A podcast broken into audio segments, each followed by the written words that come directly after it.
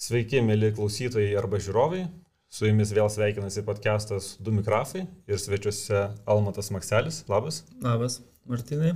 Almantas yra senas mano pažįstamas ir klientas, ir bičiulis. Uh, oftalmologas, teisingai, ne? Jo, nu, kas kaip vadina. Galima vadinti oftalmologu, galima vadinti akių gydytoju. Dar arba, okulistų vadina. Arba kas, liaudiškai kas, daktaras. Nu, daktaras, gydytojas. Ir uh, sužinojau tokį dalyką, kad tu esi skiepytas jau nuo COVID, nes esi gydytas. Jo. Tai gal pradžiai papasakok šitą dalyką, kas, kas, kaip sekėsi. Sekėsi, sakyčiau, netgi labai puikiai.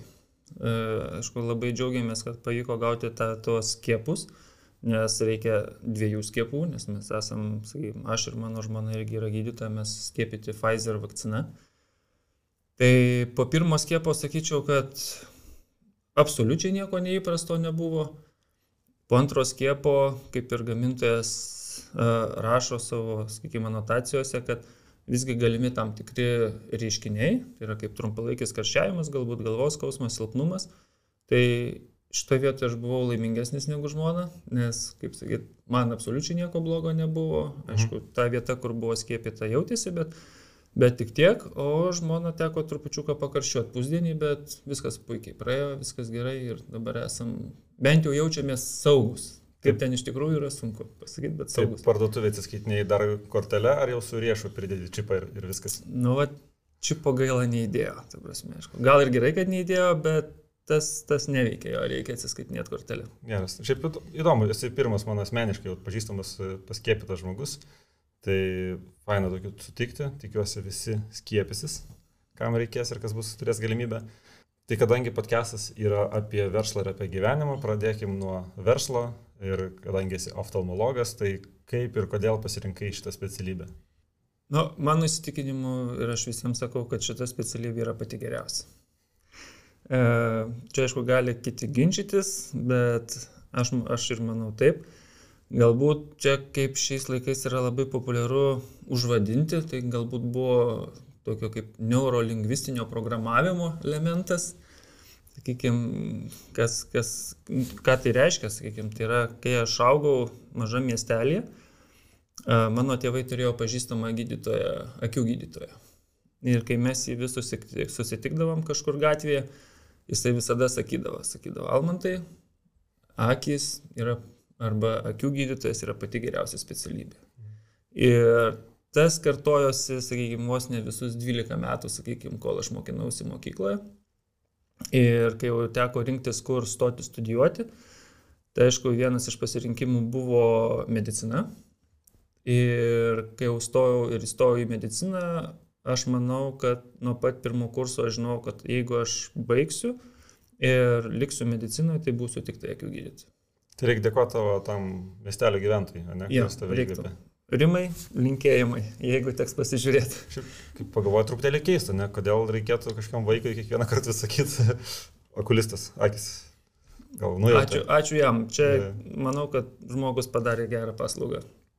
Ir dabar daugiausiai, ką darai, tai operacijas turbūt, ne? Esi ne tik tai tas, kuris pažiūri, kurią akim geriau matai, bet gali ir, žodžiu, tą akį supjaustyti ir pataisyti. Jo, tai čia vat, vėlgi, kuom yra lab, uh, oftalmologija labai dėkinga, sakykime, kaip, kaip specialybė, tai nori gali operuoti, nori gali konsultuoti.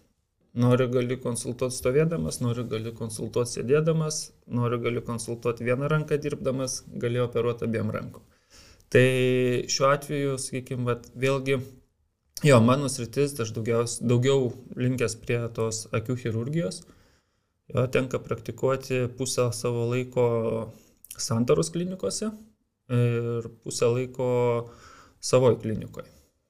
Tai santaros klinikose ten vėlgi dirbam ir, sakykime, daugiau tie žmonės jau ateina dėl bėdų, ne, kad, kad, kad jau lygos, kataraktos, augliai, sakykime, ten visokie uždegimai ir, ir, ir, ir panašus dalykai, tai yra dažniausiai ne iš gero gyvenimo ateinantis. O aišku, privačioj klinikoje, kadangi užsiminėjau e, regos atstatymu, tai čia jau yra gyvenimo kokybės gerinimas, tai dažniausiai ateina jauni, sveiki žmonės, kurie nori pasigerinti gyvenimo kokybę ir, ir džiaugtis gyvenimu labiau negu kad yra. Tai jeigu jau kalbam apie tavo specialybę m, iš tos, e, papra, tarkim, nuo paprastų dalykų pradėkime, ne? nes sakai, kad yra ir sudėtingų operacijų, bet e, gal pradėkime nuo paprasto klausimo tokio, kas geriau - linzės, lešiai, akiniai, jeigu šiek tiek nematai, ką daryti. Jo, čia iš tikrųjų labai plati tema yra, nes e, aišku, jeigu mes turim kažkokius regos sutrikimus, yra realiai keturios galimybės, iš kurių mes galim rinktis. Tai yra pirma galimybė, pati paprasčiausia, tai nieko nedaryti. Mm. Tai prasme, nu, jeigu tavo matymo užtenka e, tiek kiek, tiek, kiek matai, aišku, galim nieko nedaryti. Antras e, prasideda, tai yra korekcija. O korekcijos galimybės, va, jau čia atsiranda tos trys kitos. Tai aišku, viena yra akiniai. Tai akiniai, sakyčiau, šiai dienai galbūt yra pats paprasčiausias ir pats nekalčiausias ir galbūt pats saugiausias korekcijos būdas, bet vėlgi tai nėra pats komfortiškiausias. Nes jeigu pasižiūrėti, kaip žmonės ypatingai įėjimas patalpos, lietus, drėgmė, akiniai rasoja, reikia valytis, nu atsiranda daug nepatogumų. Antra galimybė koreguoti regėjimą yra kontaktiniai lešiai. Aišku, tai yra galbūt žmogui pats komfortiškiausias, iš pirmo žvilgsnio pats komfortiškiausias korekcijos metodas, bet tai yra toli gražu ne pats saugiausias. Ir sakyčiau, tai netgi yra pats rizikingiausias korekcijos būdas, nes jeigu įsivaizduoti, kas yra kontaktinis lešis, tai yra kažkoks gumos gabaliukas, kuris rytą dedamas į akį, vakare išimamas. Tai yra du kartai per dieną, kada yra kontaktas tiesiogiai su akim, kada gali pažeisti akį. E, plus E, kaip taisyklė, žmonės taupo. Tai reiškia, jeigu mes turim vienadienius kontaktinius lėšius, žmonės dažnai nešioja ir tris dienas, ir savaitę.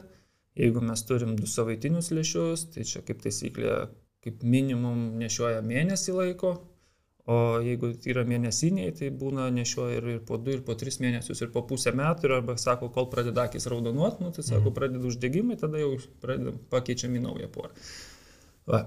Ir trečias būdas tai yra va, lazerinė korekcija. Tai iš pirmo žodžio skamba galbūt baisiai, bet, sakyčiau, tai yra galbūt uh, pats uh, toks, žengus tą nedidelį žingsnelį, tai yra, kaip dažnai žmonės sako, tai yra pats geriausias sprendimas jų gyvenime, ką galėjo padaryti savo. Tai man įdomu tada, jeigu jau lešiai tokie, nu bent jau iš tavo pasakojimo atrodo, kad rizikingas dalykas. Kodėl tai yra taip populiaru? Uh, populiaru, nes tai yra nu, baisiai lengvai prieinama. Tai yra santykinai pigu, nors jeigu vėlgi mes pradėtumėm skaičiuoti, kiek kas kainuoja, tai lešiai tikrai nėra pigiausias variantas. Ir ypatingai tai paėmus ilgesnę perspektyvą, kur, kur sakykime, 3 metai, 5 metai, žiūrint tą ilgąją perspektyvą, Tai irgi nėra pigus džiaugsmas ir pigi, pigi pramoga, bet tik tiek, kad jie yra labai lengvai prieinami. Sakykime, netgi čia šalia studijos, jeigu mes einam į Rimi parduotuvę, prie įėjimo stovi didelis, kaip sakau, lešių taromatas, mhm. į kurį ten įmetęs kelis eurus gali pasimti savo reikiamus kontaktinius lešius ir, ir grįžęs namo gali įsidėti. Ja, bet su kontaktiniais lešiais vėlgi, kaip sakau, uh, ir tyrimai daryti, ir aš iš savo praktikos matau, kad iš esmės maždaug 90, netgi 5 procentai kontaktinių lešių nešiotojų juos nešioja netaisyklingai. Ir netgi tie, kurie sako, kad nešioja labai tvarkingai, kai tu pamatai, kaip jie tuos lėšius pas tave kabinete e, išsima ir tu jiem pasakai, kur jie daro klaidą, visi kaip taisyklė pripažįsta, nu jo, nepagalvojau. Tai Vienas iš būdų to išvengti yra lazerinė akių korekcija. Tai kadangi tu esi šio e, korekcijų specialistas pats jas atliekit, tai aš norėčiau daugiau pasigilinti ir paklausinėti. Ir turiu netgi visą sąrašą klausimų, e, tik ir mano pažįstamiem žmonėm tai yra aktualu ir įdomu tiesiog e, neišeinant iš namų, vat, sužinoti informaciją iš pirmų lūpų. Tai pirmas klausimas, kurį man uždavė vienas draugas, kai sužinojo, kad, kai sužinojo, kad tave kalbinsiu, yra toks, ar akių korekcija lazerių yra rizikingas dalykas? Tai yra saugus dalykas, sakykime, jeigu taip jau labai trumpai. Ir kodėl? argumentuosiu. Tai operacija, kaip taisyklė, daroma vieną kartą, daroma gydytojo priežiūroje ir daroma vaistų priedangoje. Ja, ir pati operacija, kaip, kaip, pats, kaip veiksmas, jinai trunka maždaug 4-6 minutės vienai akiai. Tai, mhm. tai yra labai greitas laikas ir aišku, po to jau tas yra gyjimo periodas, kuris jau trupučiukas skiriasi nuo operacijų metodų, bet uh, gydytojai kaip taisyklė yra žino, ką daro, taip, ir tam naudojama labai tiksli technika. Tai vėlgi nepalyginsi, ką reiškia kontaktinių lęšių nešiojimas, jo, tai prasme ir kada yra daug, daug, daug komplikacijų kontaktinių lęšių, kurių mes turim, matom pastoviai, gydom pastoviai ir su labai liūdnom išeitimi. O ar užtenka vienos operacijos, ar reikia paskui dar po savaitės grįžti dar šiek tiek prideginti? Ne, kaip taisyklė tikrai užtenka vieno karto. Vėlgi, jeigu mes pasižiūrėsim nuo to dioptrijų kiekio, jo, tai, tai kuo dioptrijos, sakykime, yra standartiškesnės, tai yra ten minus 1, minus 3 iki minus 6, tai kaip taisyklė, nu, 99 procentai, kad tikrai pakanka vieno karto ir nieko ten papildomai daryti nereikia. Jeigu jau mes turim tokias sudėtingesnės optikas, kaip minus 7 ir minus 2 dioptrijos astigmatizmo, kas yra bendroji minus, sumoji minus 9 arba ten minus 11, aišku, tokiais atvejais kartais gali reikėti trupučiuką, sakykime, galbūt papildomos korekcijos, bet vėlgi tai yra ganėtinai reti atvejai. Tai jeigu čia toks geras dalykas yra toks nekaltas, kodėl visi nepasidaro tokios tai operacijos? nėra visai nekaltas dalykas, nes operacija vėlgi yra operacija.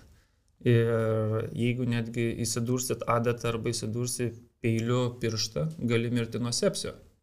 Niekas nuo to neapsaugotas. Tai vėlgi, tai operacijos metu yra tam tikti atliekami veiksmai, galbūt atsiranda kažkoks bent jau tam kartui mikropažeidimas, kuris turi tam tikrą laiką, per kurį turėtų sugyti.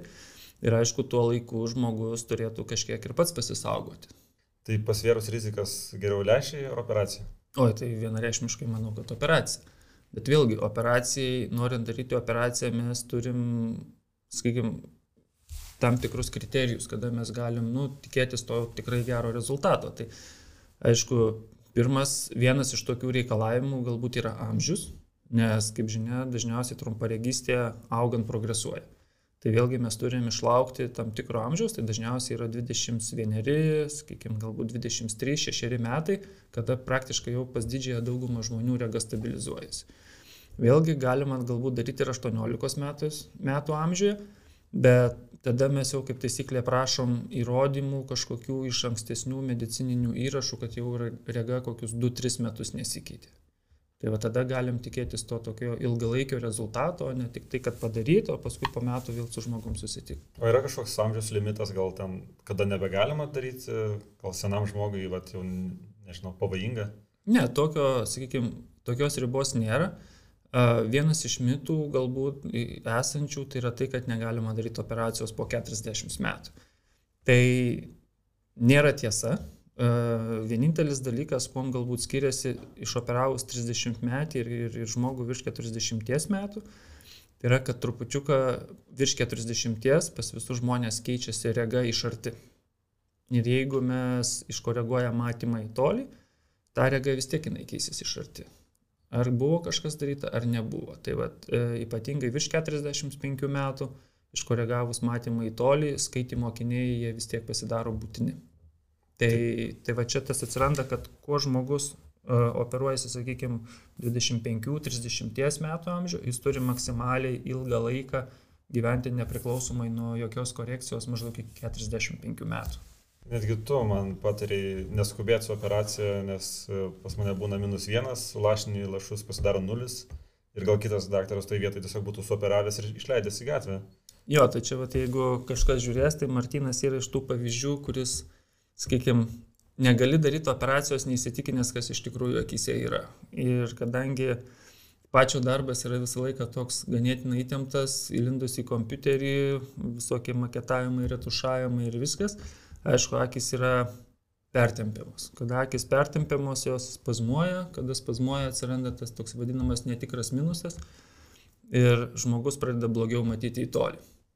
Tai ypatingai, kada va, tai yra nedidukai, minusai akise, minus vienas iki, iki minus pusantro galbūt, tai tokių žmonių nu, niekaip negali uh, operuoti ne, neišplėtęs vyžių, nes kartais gali labai labai labai apsigauti. Va, tavo atvejs yra būtent tas, kur galima nu, labai stipriai apsigauti ir iš to minus pusantro, kai, kai išplėti vyžius gauni nulį, tai jeigu mes tau pusantro nuimtumėm, nulazeriuotumėm, tai gautumėm jau plus pusantro. Tai tas plus pusantro yra žymiai blogiau negu minus pusantro. Jo, taip, taip išeina, kad ne visiems šimtų procentų yra būtina ta operacija, jeigu jūs ne iki galo gerai matote, ne? Tai be abejo, tai va šitoj vietoj, kaip aš sakau, yra vėlgi reikia žinot, kokios pas, pas, pas žmogų yra akis. Gali būti geras regėjimas, žmogui atrodantis geras, bet kai mes padarom diagnostiką, pasirodo, kad jisai nėra toks geras Ir su tuo geru regėjimu, kaip vienas, kaip esu, kai turėjęs pacientų, praktiškai turintis minus 8, jo, o nieko nenešio ir dar vairuoja. Tai, tai va tokiais atvejais visada jau prieš einant į per gatvę, per, per perėją, visada reikia, kaip sakau, aš visada atsistoju ir dar apsidairau papildomai, ar tikrai mašina lėtina greitį, nes nu, niekad negali žinoti, su kokia rega žmogus yra vairuojantis. Tai aš taip įsivaizduoju, jeigu toks žmogus pasidaro operaciją galiausiai, kokios būna reakcijos, kaip jie atsiliepia. Nes vieną rytą atsibudai, pasižiūri aplink ir tu galvoji gal sapnuoja, nes turbūt nu, matai geriau negu prieš tai sakiniais. Jo, čia vėlgi yra du tipai operacijų. Yra greitasis, komfortiškasis variantas ir yra lėtasis variantas. Kai jau, sakykime, mes sutinkam žmogų po trijų mėnesių, sakykime, kai jau viskas ar po vienos ar po kitos operacijos sugyja, tai žmonės sako, jo, tai yra geriausia, ką aš galėjau padaryti savo gyvenime. Prasme, geriausia dovana. Tai vat, jeigu mes darom tą, sakykime, greitąjį variantą operacijos, realiai po jo yra tik tai maždaug 2 valandas, nu, gal 3 diskomfortų ir tai jisai dažniausiai būna nelabai išreikštas.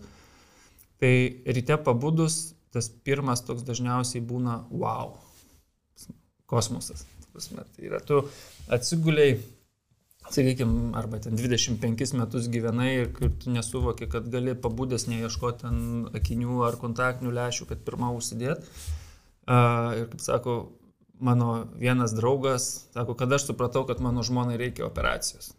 Sako, žmona išėjo iš, iš dušo, nusipraususi, neįsidėjus lešių ir eidama, kai kalė galva į spintelę atidaryta, kuris standartiškai būna uždaryta, sakė, čia yra riba. Tai va, tai, tai va, viena operacija turi tą wow efektą. Jo, tu prasme, atsibundi, nerealu. Kita operacija yra, kuri galbūt šiaip iš esmės yra akis veikesnė, Bet ten to wow nėra. Ten yra priešingai. Ten yra 2-3 dienos keiksnojimo, sakykime, manęs, klinikos, savęs, kodėl aš tą dariausi, nes tikrai ten kartais būna nelabai malonu pirmos 2-3 dienos. Ir matymas, jisai atsistatinėja, sakykime, 3 savaitės, 4 savaitės. Jo? Ir kai tas vis, viskas vyksta lietai, nu to wow nebelieka.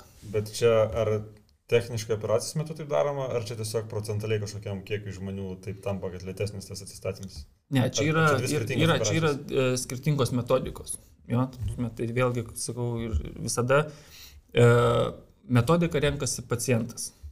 Ateina, ateina konsultacija, mes padarom diagnostiką ir visada pasakom, iš ko galima rinktis. Ir viena operacija turi savo privalumus, kita operacija turi savo privalumus.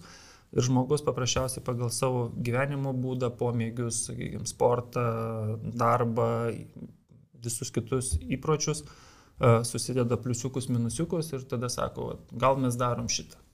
Tai jeigu, sakykime, tas gerasis e, operacijos būdas, tai tu kitą dieną viskas, esi laisvas, bėgiok per laukus, žaisk e, sportą, daryk, ką nori, jau gali matyti, ar reikia kažkokį laiką. Čia ir yra paradoksas, ne, kad a, kaip tu sakai, gerasis, tai jisai nėra gerasis. Jis yra wow arba komfortiškesnis būdas. Mhm. Jo, tai, tai po šitos operacijos iš tikrųjų reikia kaip tik trupučiuką ilgiau pasisaugot. Jo, nes čia yra, nu, vėlgi, sakykime, techniniai dalykai. Uh, ir po šitos operacijos akiai reikia daugiau laiko sugyti, sakykime, tą sugyjimo prasme, ir netgi, kai jau jinai apgyja ir apsitvarko, akis visgi, kaip ir visam gyvenimui, kažkiek lieka operuota.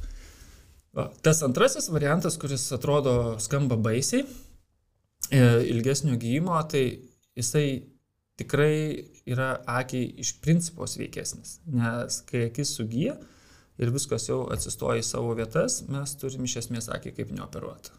Ir ten nei aš žiūrėdamas, nei pats žiūrėdamas, nei galbūt mano kolega žiūrėdamas į tą akį net nepasakys, kad jai buvo kažkas daryta. Ar būna, kad žmonės darosi operaciją turėdami labai mažytį nuokrypį regėjimą, kad beveik beveik tobulai mato, bet vis tiek sako, man reikia dar geriau? Būna, būna, tai nėra dažni dalykai, bet vėlgi, uh, lazerinė regos korekcija tai yra reikalinga tiek, kiek reikalinga, nusakykime, tau. Ne? Prasme, tai ne man jos reikia, ne, ne sakykime, ne, ne, ne paciento tėvui, bet tiek, kiek reikia, sakykime, pačiam pacientui. Tai ir tos ribos vėlgi yra labai didelės, bet esmė yra tokia, jeigu tau jau trukdo arba tu jauti, kad tau reikia geresnio matymo, dažniausiai galima daryti. Ir aš esu turėjęs vieną pacientę, e, kuri profesionaliai šaudė iš lanko, buvo sportininkė. Minusiukas buvo labai nedidelis, bet kadangi tai sportas, kuriam reikia, nu, pripažinkim, ganėtinai nemažo tikslumo, tai padarius operaciją, sakė, nu, maždaug 30 procentų rezultatai pagerėjo. Tai, tai, tai atsakymas yra toks, kad net ir prie mažų dioptrijų galima daryti, jeigu žmogui atrodo, kad tam reikia. Tai toks tam tikras sukčiavimo sportai gaunasi, kad jau kaip su daktaro pagalba supergalės įgyja. E, nu, kaip sakyt, nu, čia nėra sukčiavimas, čia yra paprasčiausiai akies atstatymas, regėjimo atstatymas iki to, ką žmogus gali matyti. Aišku, būna, kad mes gaunam ir geresnį matymą, negu žmogus galėjo tikėtis prieš operaciją. Bet, aišku, mūsų pirminis tikslas yra padaryti, kad matytų bent tiek, kiek jisai gali matyti, kiek jam koreguoja akiniai. Jo, o jeigu jau gaunasi geriau, tai nuo to tik tai visiems smagiau. O yra kažkokia priešinė riba, tarkim, kad ten minus kažkiek ir jau nebepadėsi žmogui? E, ribos mes turim techninės ribas, sakykime, kiek mes galim padaryti. Sakykime, e, tai susiveda, sakykime, į dioptrių kiekį. Į dioptrių kiekį ir tam tikrus akies parametrus. Tai kada darosi korekcija, ypatingai nu, trumparegiam, kur ten, sakykime, mes turim geriausius rezultatus arba stigmatikam, e, visi mes turim ragenas, kurios yra tam tikro storio. Ir yra reikalavimai, iki kiek mes galim tą rageną ploninti, kad mes nepakenktumėm toliau žiūrint į ateitį žmogui. Jo? Tai va, yra žmonės, kurie turi storas ragenas ir jiems gali padaryti realiai ir, ir minus 12, ir minus 14, ir minus netgi 17 tam tikrais atvejais esu daręs bendroji sumoje kai tuo tarpu yra žmonių, kurie turi labai plonytės ragenas ir kuriems realiai gali nu, maksimum minus 2 padaryti. Ja. Arba yra tam tikros ry, e, lygos akių, kur apskritai negalima nieko daryti. Jeigu žmogus iš vis turi negalę, neregys, po kiek laiko mes galėsim medicinoje atstatyti tokius dalykus? Ar tai ateityje nusimato, tai įmanoma ar, ar ne? Mm, manau, kažkada bus kažkas įmanoma. Šiuo, šiuo metu, sakykime, tos yra kūriamos vadinamos bioninės akis. Tai yra, kaip sakyti, terminatoriaus akis, kur pajungiama kamera, sujungiama tiesiai su smegenėmis ir žmogus gali kažką matyti. Tai aišku, šiai dienai tai nėra dar taip ištobulėję ir, ir kad ten būtų tų vadinamų daug pikselių, kad mes galėtumėm suprasti, sakykime, daugiau mažiau, ką mes matom, bet kadangi šiuo metu ta visa kompiuterinė, sakykime, ir, ir techninė bazė labai, kaip sakyt, greitai progresuoja, tai manau, kad galim sulaukti, kad galėsim ir geriau padėti tai žmonėms su šito problema. Po šimto metų prekybos centre galėsim ne tik lėšas, bet ir akies obulį nusipirkti kokį norimą. Ne? Mm, su akies obuliu gal sunkiai, bet galbūt kamerą, kokią norėsim prie smegenų priimti, gal ir bus įmanoma. Geras. O, o gal žinai, kur būtent pasaulyje kūrimas tos technologijos yra? Taip, daugiau dabar yra šitie dalykai dar moksliniam ligmenyje. Tai aišku, čia jau tos apskritai moksle pirmaujančios šalis. Junktinės Amerikos valstijos, Junktinė karalystė, šitose šalyse. Man dar įdomu yra, kaip mūsų aplinka apskritai veikia mūsų regėjimą, mūsų akis. Jeigu, sakykime, žmogus dirba betono gamyklai, kur ten skraidžia visoks cementas ore, arba tiesiog namų tingi susitvarkyti žmogus ir dulpinį nusivalo. Ar tai turi įtaką akims? Ar gali tas akis pažeisti kažkokiu būdu, nežinau, netvarkingam kambarį gyvendamas? Ne, tai be abejo, nes aplinka turi įtakos. Tai jeigu įtakos neturėtų aplinka, tai mes vaikščiotumėm visi gražus, laimingi, gerai matantis baltom akim, nesiskustumėm akių sausumo ir regėjimo sutrikimais. Tai vienareikšmiškai. Vėlgi galbūt žmonės dirbantis gamyklose, jie kaip taisyklė mažiau skundžiasi negu tie, kurie dirba ofisuose. Jo? Tai O ofisuose ką mes turim? Tai turim e, kondicionuojamą orą, neturim šviežaus oro, turim sintetinės dangas, turim daug kompiuterių, oro ionizavimą, nebūtinai gerais jonais, jo. Tai šitie žmonės iš tikrųjų dažnai susiduria su problemom. Ir aišku, pagrindinė problema tai yra akių sausumas ir akių sudirgimas.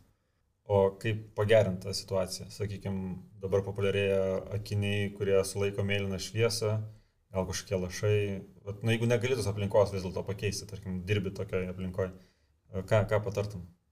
Tai aišku, reikia pradėti. Pirmas patarimas susi, susi, susinormalizuoti savo darbo režimą. Ja? Tai reikia ne tik dirbti, bet ir ilsėtis. Tai tokia dabar paskutinė rekomendacija Tai yra, kad kas 20 minučių reikėtų daryti maždaug 20 sekundžių per traukėlę ir per tas 20 sekundžių reikėtų padaryti keletą pratimų akims. Tai neturi būti kažkas super atsispaudimai ar dar kažkas, bet pakanka, sakykime, pasižiūrėti piršto galiuką, kad įsiriškintų piršto ant spaudai ir į priešai sėdinčią kolegę nu, arba kolegą. Arba per langą kažkur jo pirštą paimti, pavedžiot pirmyn atgal, pirmyn atgal, bet stengtis, kad visada būtų fokusė. Jo, ir tokius elementarius dalykus darant savalaikiai, tai yra bent kas 20-30 minučių, manau, kad to nuovargio ir visų kitų dalykų tikrai bus mažiau. Vėlgi nepamirš, nepamiršti mirksėt. Ja, tai vėlgi jeigu mes turim kažkokią, dirbam kompiuterizuotoj vietoj, e, ne visi klavišai klaviatūroje yra vienodai dažnai naudojami. Tai jeigu mes ten turim, sakykime, pastraipos numetimo mygtuką arba, arba e, sugrįžimo mygtuką kažkokį, kuris nepastoviai spaudžiamas, tai paprasčiausiai reikia įsigyti tokį refleksą, kad spaudžiam mygtuką ir specialiai užsimerkia. Ja? Tai gausis papildomas drėkinimas akims ir akių sausumo tikrai turėtų irgi sumažėti.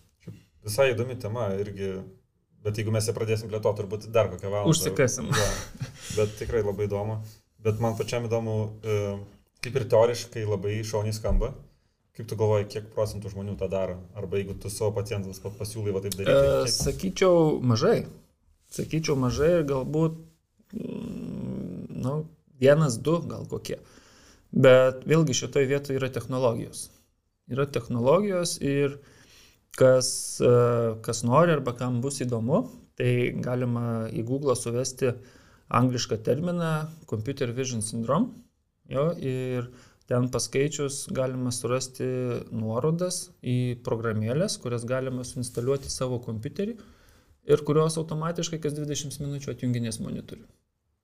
Labai 20 kai, sekundžių. Kai deadline spaudžia, labai faina tas. Jo, bet, bet čia jau atsiranda taip, kad tu neturi pasirinkimo, jo? Yeah. Tu prasme, dirbi, 20 minučių užgeso.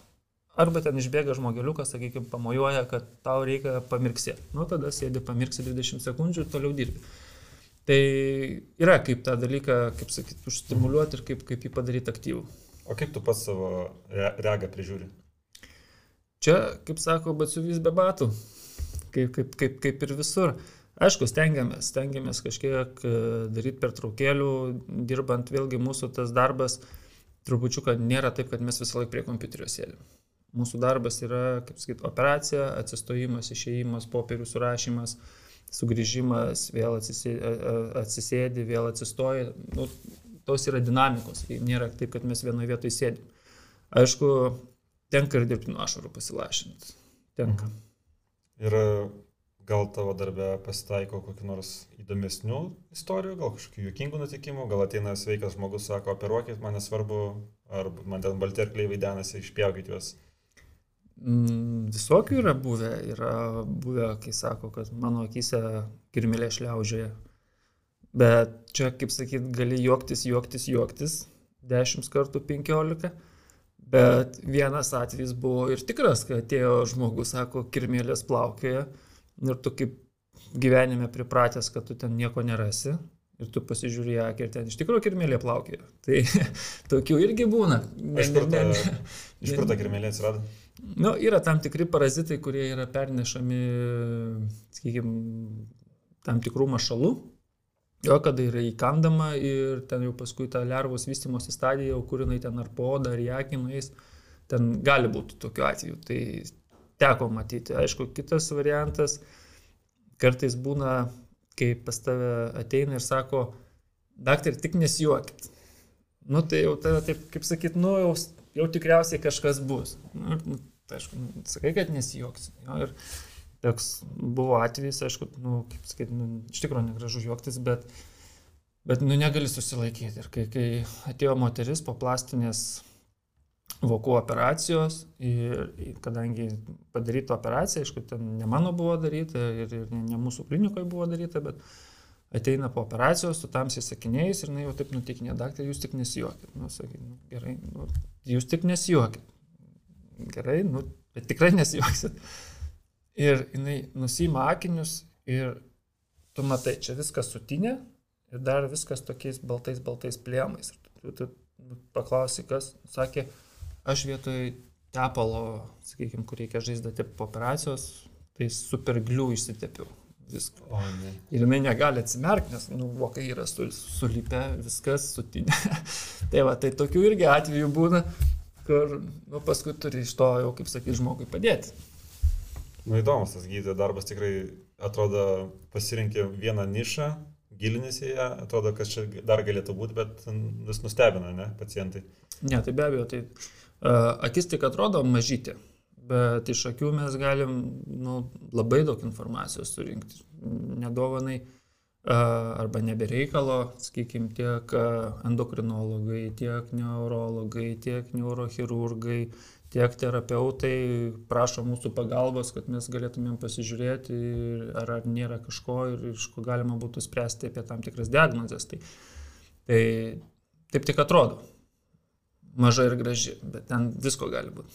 Tai kad jau įsivažiavome tokias linksmėsnės temas, gal dar apie mitus pakalbėkim. Nes yra toksai gajus mitas, kad akių gydytojai, kurie daro lazerio operacijas, Jie patys nesuoperuoja. Tai čia tiesa ar ne? Čia yra mitas.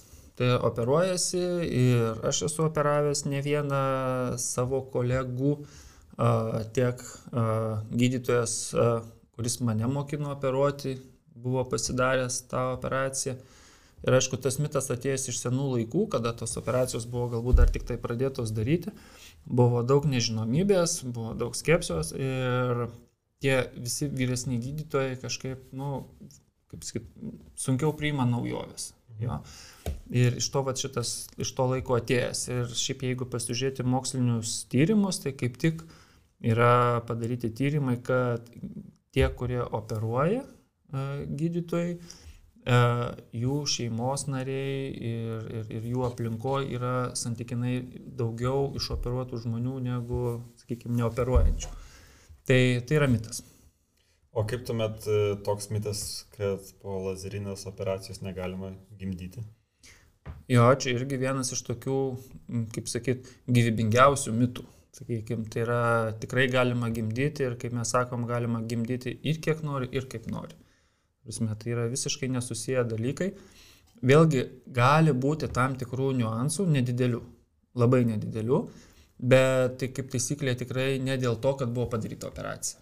Jo, tai gimdyti daugiau neleidžiama, jeigu yra problemos akies viduje, bet tikrai ne dėl to, kad buvo padaryta operacija. Dar turiu vieną mitą, kad jeigu papuolė į avariją, važiuodamas iš operacijos, kad tau ta akis tunkšti ir išlieks arba kažkas pasidarys. Jo, čia irgi labai dažnas klausimas.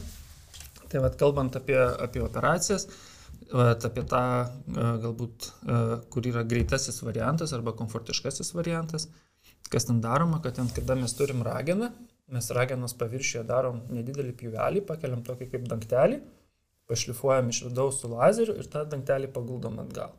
Tai va, iš čia atėjęs tas mitas, kad jeigu tu stuktelėsi galvą ten į panelę arba į ten kokią oro pagalbę, kad ten tau paims ir atšoks viskas. Tai tikrai ne. Tikrai neatšoks ir ten jau reikia gerai pasistengti ir norint į tą, tą lopelį pakelti. Tai tikrai netiesa. Ir mes jau išsiaiškinom, kad e, operacija nėra labai trumpalaikis dalykas. Ne? Tai tarkim tas mitas, kad čia tik trumpam padės, kad reikės vis tiek po metų akinius pirkti, tai čia nėra tiesa. Jo, tai čia irgi, irgi netiesa, irgi mitas. Tai operacijos daromos nuo, sakykime, jau taip grinai komerciškai nuo 90-91 metų pasaulyje, Lietuvoje link, ten, link 99-2000 buvo pradėtos. Tai tikrai yra iš to laiko tarp žmonių, kurie mato puikiausiai.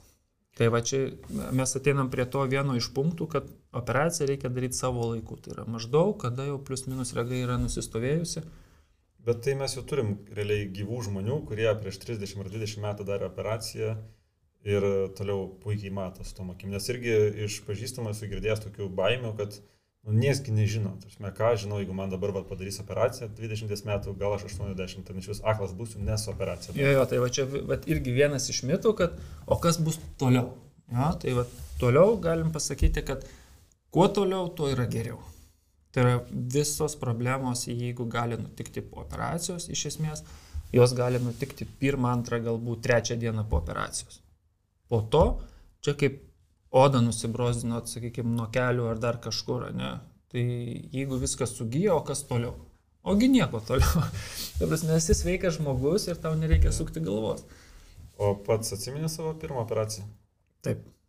Kaip viskas atrodė, ką darai? Aišku, rankos drebėjo, streso buvo, bet kaip, kaip sako, pradedančiojo sėkmė lydėjo ir tos kaip tik pirmos operacijos jos buvo tobulos. Sakykime, ten jau galima šnekėti apie, kai jau tu pradedi trupučiuką kažkiek atsipalaiduoti, jo, ir ta prasme atsiranda tam tikro dalyko, kas paskui vėlgi tave sugražina.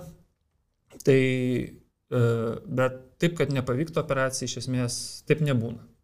Tai džiugu girdėti, kad viskas taip gerai sekasi. Pasirodo, čia visai toks neblogas dalykas ta operacija. Uh, vėlgi, podcastas yra apie verslą ir apie gyvenimą, tai skirkim dar bent kelias minutės apie gyvenimą pakalbėti, nes apie verslą kalbėjom rekordiškai ilgai mūsų podcastai. Uh, kiek žinau, žaidži golfą. Uh, ar turi kažkokių dar pomėgių, arba kažką gal apie golfą papasakosi?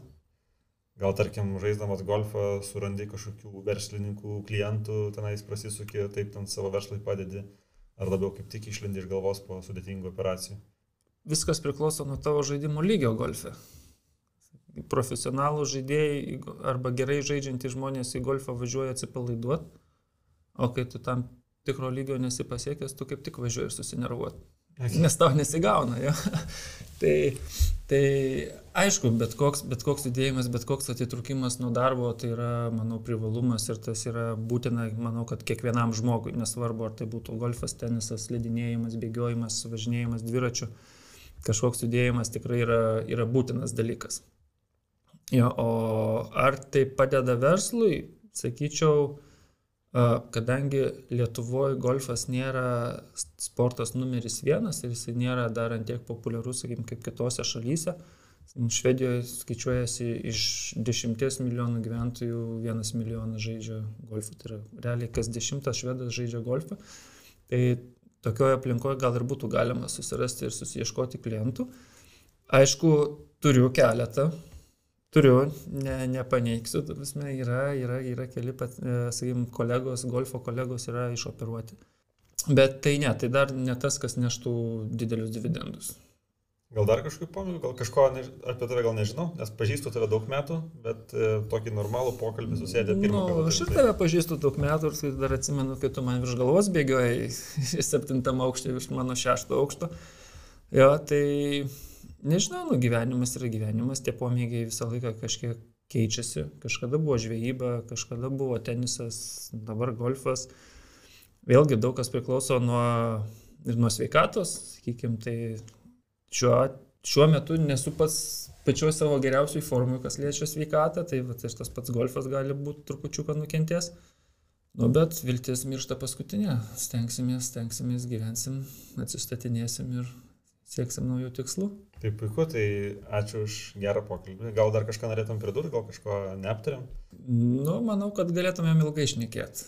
Tai gal... Galėtumėm, ne valandą ir ne dvi. Tai palinkėk tada, kad nors žiūrovams, kurie nešioja akinius linzės arba šiaip, nežinau, yra neužtikrinti dėl savo regėjimo. Na, palinkėjimas, aišku, būtų toks. Pirmas, tai galbūt išsiaiškinkit, kokias visgi akis turit, ar jos yra geros ar nelabai. Kaip jau jūs jas koreguosit, galbūt nėra labai didelio skirtumo, nes svarbiausia, kad jos būtų koreguotos. O jeigu jau nešiojat lėšius, tai juos reikia nešiot atsakingai, hygieniškai ir taip, kaip reikia. Čia tokia gavosi kaip laida, klauskite daktarą, tai dar geriau. Nu, panašiai. Ja, tai Panašiai. ačiū tau labai. Ačiū tau. Ačiū žiūrovams, kad žiūrėjot arba klausėt. Malonu. Paspauskit subscribe mygtuką, palaikinkit, pafollowinkit ir aprašymuose paliksiu šiek tiek nuorodų į Almanto veiklą ir mano veiklą taip pat ten rasite. Tai sėkmės ir iki.